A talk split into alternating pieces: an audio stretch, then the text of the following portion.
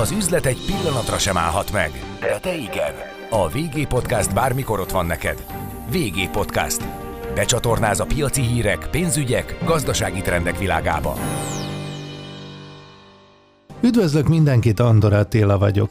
Érdekes trendek vannak a munkaerőpiacon. A cégek háromnegyede béremelést tervez, miközben 70%-kal nőtt az álláshirdetések száma is tavaly. A vonal túloldalán pedig Tüzes Imre, a Profession.hu üzletfejlesztési igazgatója. Szia, üdvözöllek!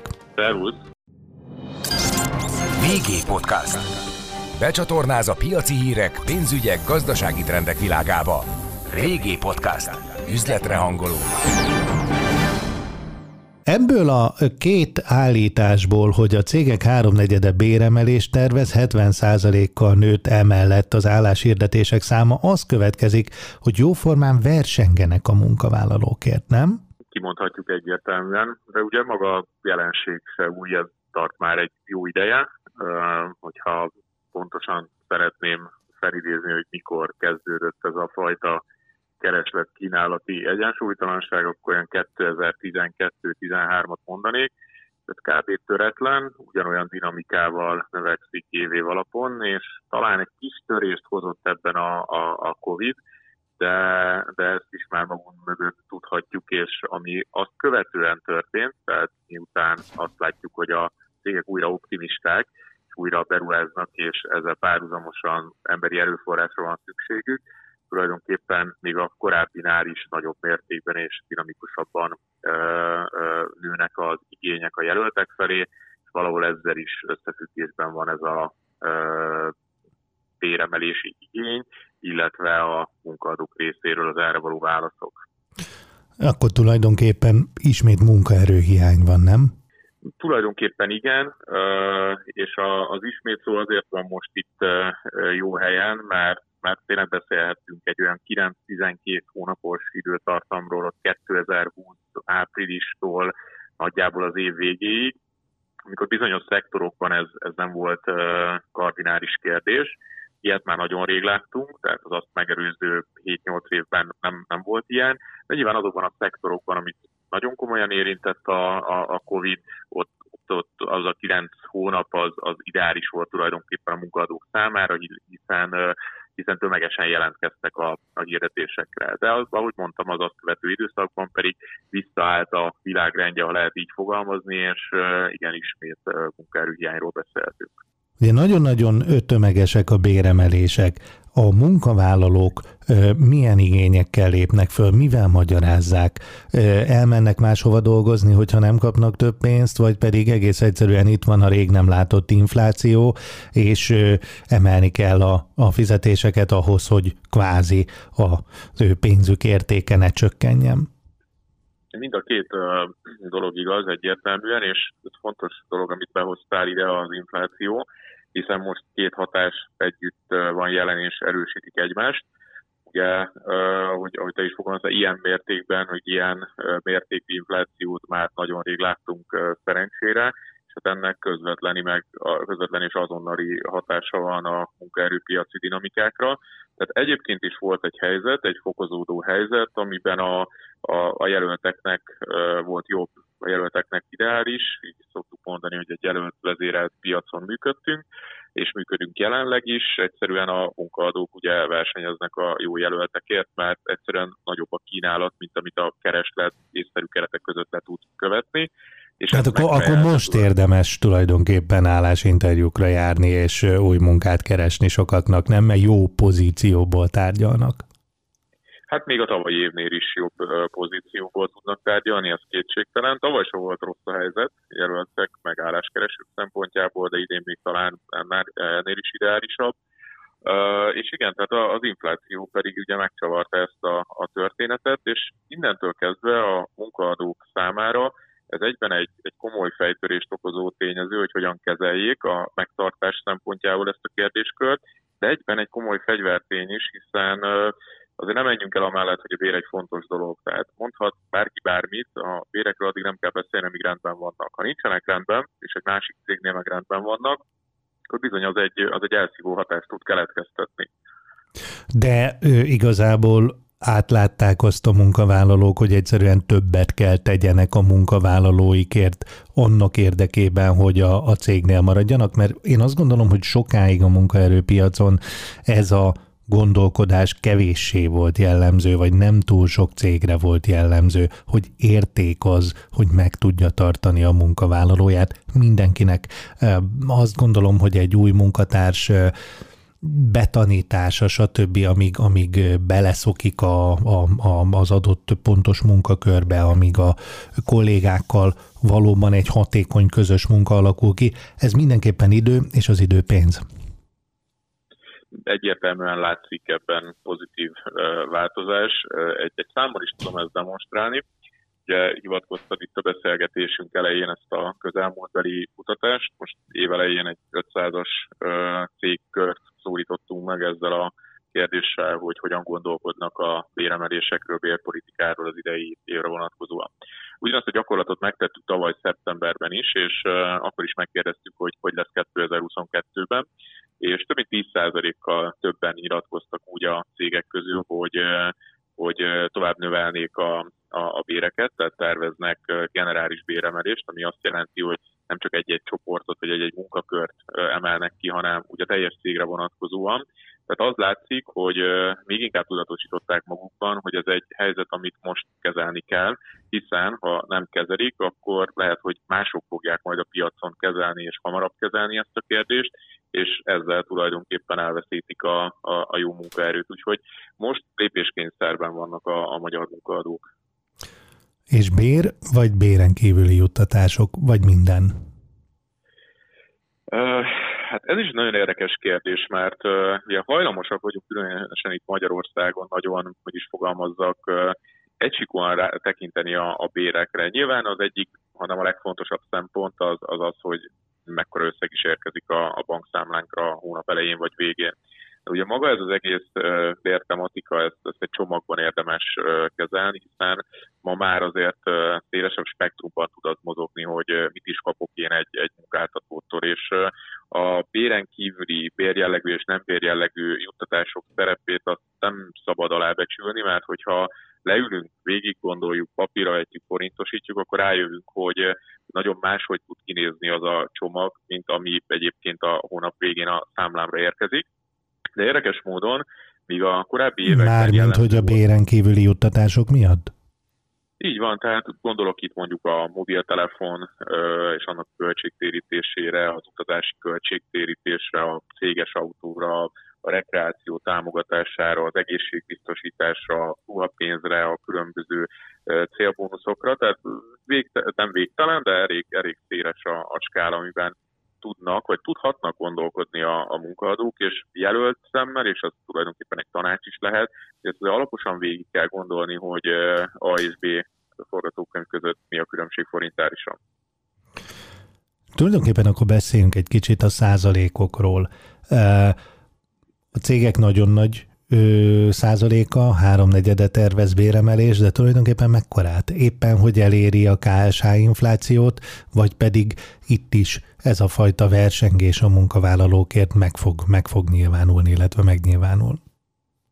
Ugye átlagokról tudunk most beszélni, ez alapján az 500 céget megszólító kutatás alapján, és és azt, mondha, azt mondható el általánosságban, hogy az inflációt valamilyen mértékben meghaladó, kb. 2 százalékos növekedéssel terveznek. De ugye itt is fontos egy kicsit a dolognak a mélyére menni, mert mert ez az átlag, ez nem hangzik rosszul, de valójában a cégek is, és nagyon helyesen differenciáltan kell, hogy gondolkodjanak, hiszen vannak olyan szektorok, vannak olyan munkakörök, ahol a, a pótlás, a jelöltek megszerzése az egy sokkal nagyobb kihívás, értelemszerűen ott különösen oda kell figyelni arra, hogy a piaci átlagokhoz képest hogy fizetek én, és ott ennél, ennél akár jóval nagyobb mértékű béremelésekről is lehet majd beszélni. De mondjuk 20 százalék? Óvatosan, óvatos lennék ezzel a dologgal, tényleg nagy a szórás ebben, hiszen mind a szektor, mind a lokáció, mind a cégnek az aktuális mozgástere befolyásolhatja ezt a dolgot, de egyébként egyáltalán tartom kizártnak, hogy mondjuk olyan szektorokban, ahol az inflációtól függetlenül is nagyon komoly verseny zajlik, és zajlott és zajlik a, a jó jelöltekért, ott akár ilyen, ilyen mértékekről is lehet beszélni, és még mindig arról beszélünk ilyen téren, amire te is hivatkoztál, hogy lehet, hogy ez a befektetés, ez forintárisan kisebb, mintha egy új munkavállalót kellene szereznem, költenem a, a, arra, hogy, hogy bevonzam, és ugye az is forintosítható, hogy mikor jut elő odáig, hogy valós értéket teremtsen nekem munkáltatóként. Ha már itt az új kollégák kérdésénél tartunk, nem tudom, hogy a, a kutatásban mennyire beszéltetek róla, de hát nyilván azért ebben az iparágban, ebben a szektorban dolgozol, tehát azért nyilván van információd. Hogyan állnak, mi a véleményük a, a cégvezetőknek az új kollégák felvételéről, mármint, hogy mennyire látják mm, minőséginek, jónak a, a, a kínálatot?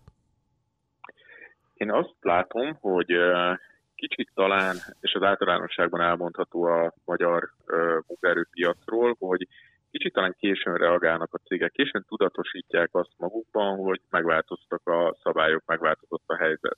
Ez alatt azt értem, hogy, hogy azért éveknek kellett eltelnie ahhoz, hogy, hogy általánosságban elmondható legyen, hogy a cégek, cégek értik, hogy limitált a magyar munkaerőpiacnak a, a, a képességei. Egyszerűen van 4,5-4,7 millió fő gazdaságilag aktív, akit el lehet érni a piacon, és, és ennyi tulajdonképpen, tehát ahogy, ahogy nőnek a, az álláshirdetési számok, egyre limitáltabb lesz a, a merítés, egyre kevesebben ö, fognak jelentkezni. Ugye ez ellen nehéz, és talán nem is lehet semmit tenni, hiszen ezek képességek.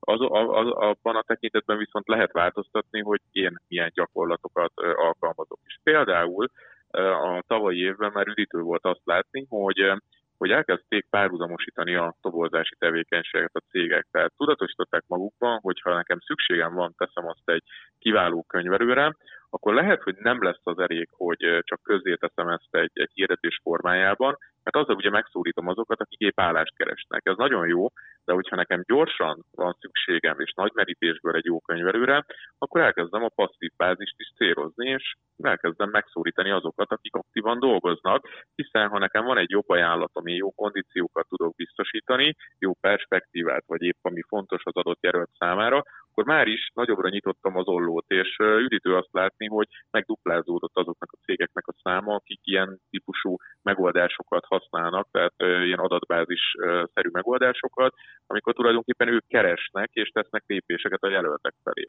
A toborzásról még mindenképpen beszélünk, de hogyha még a jelölteket nézzük, ki van most a legjobb helyzetben? A bizonyos virtuális tárgyalóasztalhoz ki ülhet most le, mely területről jövő szakember a legnyugodtabban?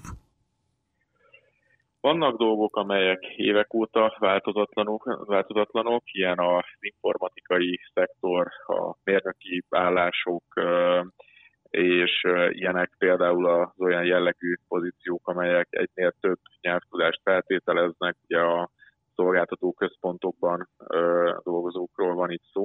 És ugye az elmúlt években ö, Tehát a nyelvtudás, az, a nyelvtudás az azt mondod, hogy változatlanul egy, egy hiányzik? Egyértelműen az, és itt ugye egyrészt beszélnék az ilyen általánosabb nyelvtudásról, tehát a populárisabb nyelvek, mint az angol-német, de ugye egyre több szolgáltató központ van jelen Magyarországon, akik ennél exkluzívabb nyelveket is elvárnak a, a holland, a skandináv nyelvek ismeretét. Tehát ha valaki ilyen képességekkel rendelkezik ma a piacon, akkor, akkor nekem szóljon, mert, mert holnapra tudok vízajánlatot mutatni neki, tehát erre óriási a, a kereslet, és nagyon kicsi a kínálat. Ugye itt európai nyelveket említesz, de mi a helyzet a környező országokkal? Mi a helyzet például egy orosszal, vagy éppen szláv nyelvekkel? Könnyen, jelentősen könnyít az elhelyezkedésen? A szolgáltató központokról beszélünk továbbra is, amit azért érdemes mindig azt arra tenni, mert egy egyre nagyobb foglalkoztatói csoportot jelent itt Magyarországon. Ugye itt azokról a cégekről van szó, akik tulajdonképpen létrehoznak itt egy egy olyan egységet, amelyel külföldi országok ügyfeleit szolgálják ki, ügyfélszolgálati, számlázási, különböző back-office tevékenységekkel, lehet ez logisztika, pénzügy, stb. Mert hogy egyszerűen ugye az olcsó munkaerő irányába nyitnak, és Jellemzően egyébként ezek nyugat-európai országokból kihelyezett szolgáltatóközpontok, de abszolút tetten érhető az is, hogy keleti piacokat is kiszolgálnak.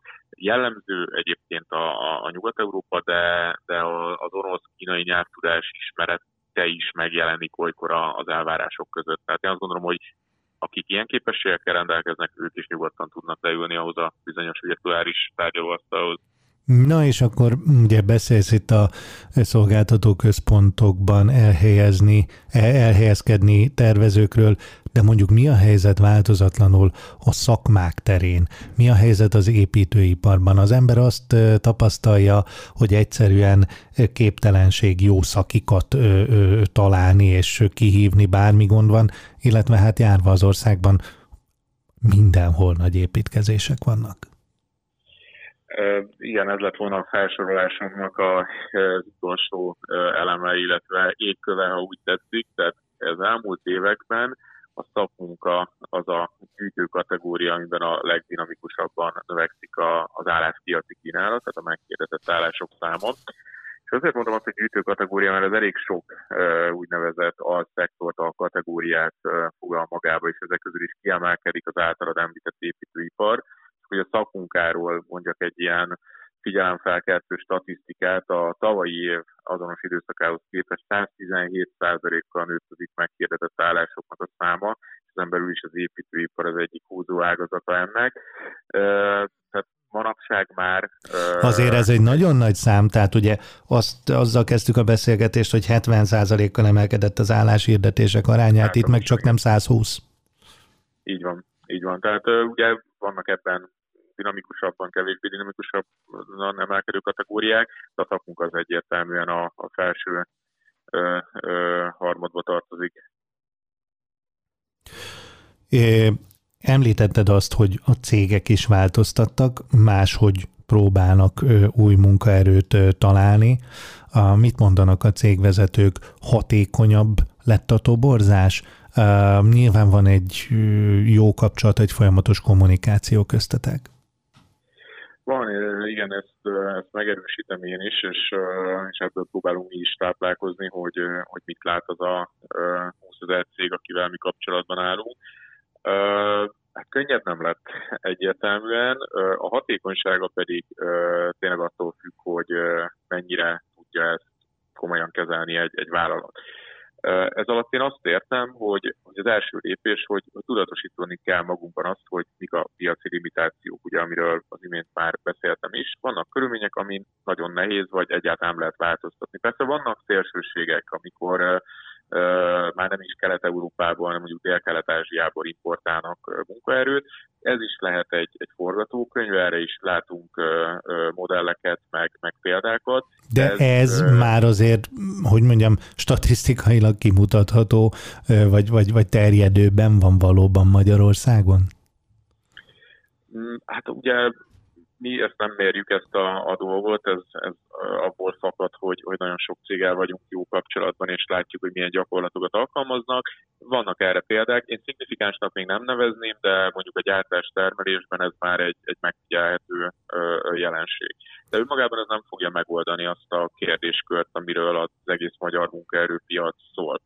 De általánosságban az elmondható, hogy jelöltet lehet találni, tehát ott még nem tartunk, mint mondjuk bizonyos nyugat-európai országokban, ahol teljesen elfogadott az, hogy mondjuk egy, egy egy közepes szaktudással rendelkező fehérgalőros pozícióra mondjuk nagyon maximum 5 jelentkező érkezik, mint mondjuk Svájcban, tehát azért ez nálunk még mindig a 20-30-as kategória, de, de ez volt más, hogy ugye néhány évvel ezelőtt. És az, hogy ez változik, ezt, ezt el kell tudni fogadni, és meg kell találni azokat a megoldásokat, hogy hogyan tudom szélesebben nyitni az ollót. És erre mondtam példaként, hogy lehet, hogy teljesen testidegen egy cégnek, hogy én cégként fogok lépést tenni a jelölt felé, nem pedig a régi státuszkóban hiszek, hogy hangosan kiabálok, hogy van egy szabad állás, és tömegek állnak az ajtómnál. Ez már nincs. De költenek rá a cégek a toborzásra hajlandóak pénzt is fordítani erre?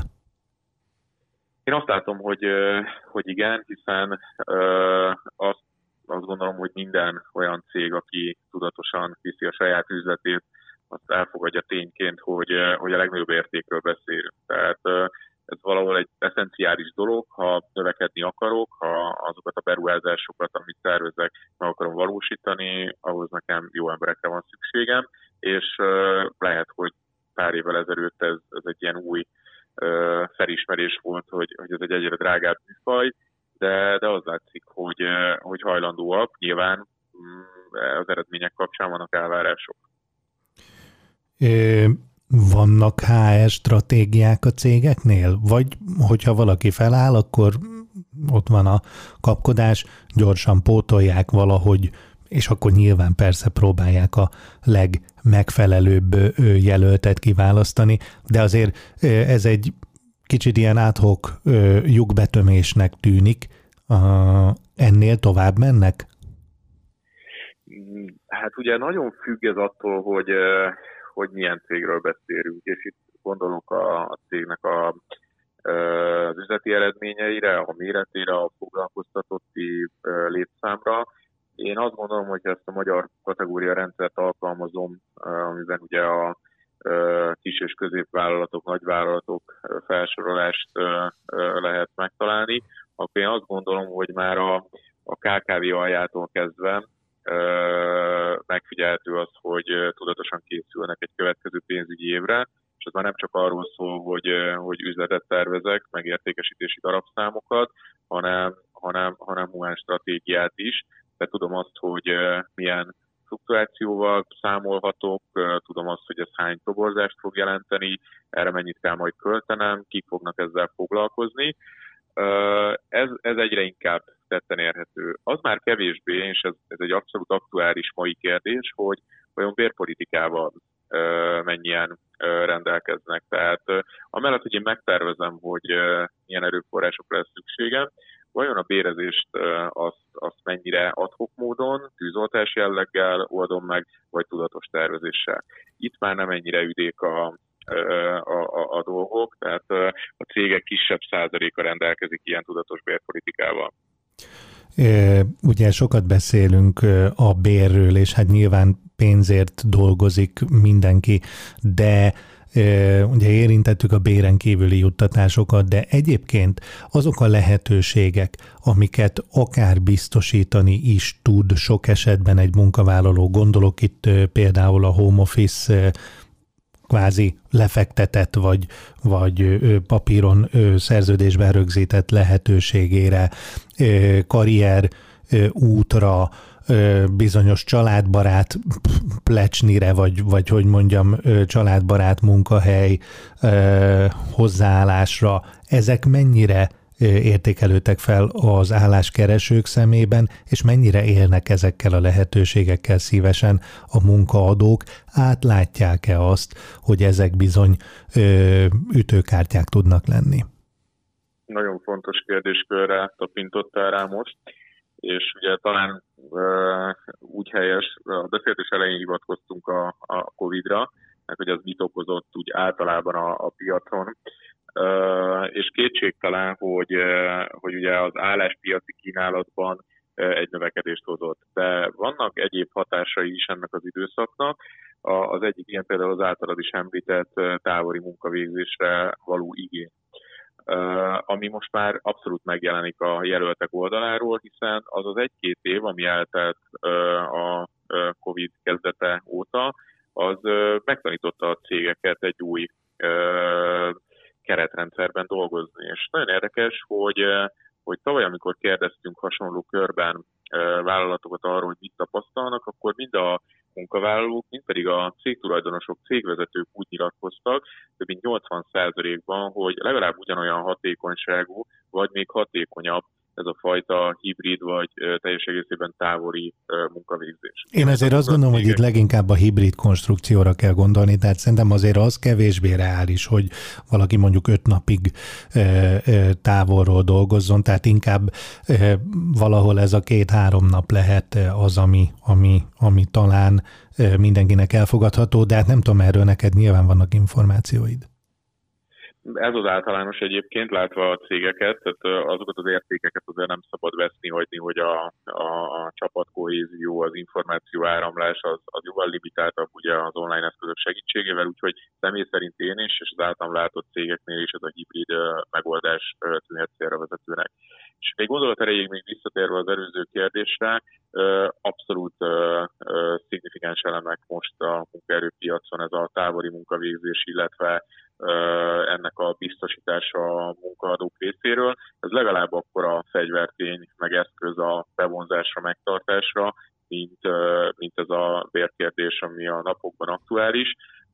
Azt gondolom, hogy az nem rövid távon írta át a munkaerőpiaci szabályokat, hanem, hanem egy, egy új érát tud keletkeztetni. Mentünk ebbe az irányba a Covid-ot megelőzően is, csak nagyon lassan, most bejött ugye egy két éves időtartam, amikor nyomás alatt kellett változtatni ezen, és jöttek a zömében jó felismerések, úgyhogy ez, ez hozhat újdonságokat, és akkor azt már ki sem nyitom, hogy ez hány dimenziót érint a, a, az utazástól kezdve a, a szükséges infrastruktúra biztosításán keresztül a munkavállalói jólét kérdésköre. Tehát ez egy borzasztóan összetett kérdéskör, de ezt nem jó irányba haladnak a cégek.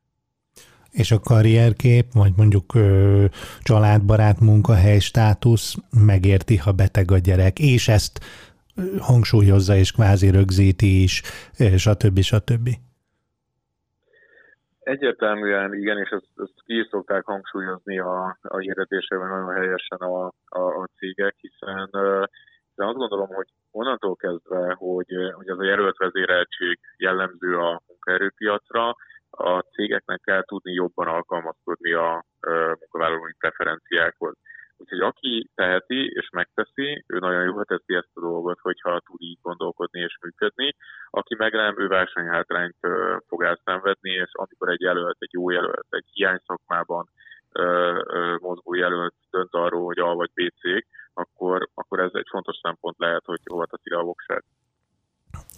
Messzebbre vezet a, következő kérdésem, de mi a véleményed? Tehát, hogyha egy munkavállaló is kap kényelmet, home office, kap lehetőséget, karrier, kap támogatást, család, gondok megértése, respektálása. Én azt gondolom, hogy itt döntően nem visszaélni fog ezekkel, hanem szerintem azért a legtöbb esetben talán a bizalmat meghálálják. Hogy nyilatkoznak erről a cégvezetők? A tapasztalat az az, hogy tehát a tapasztalatok jók.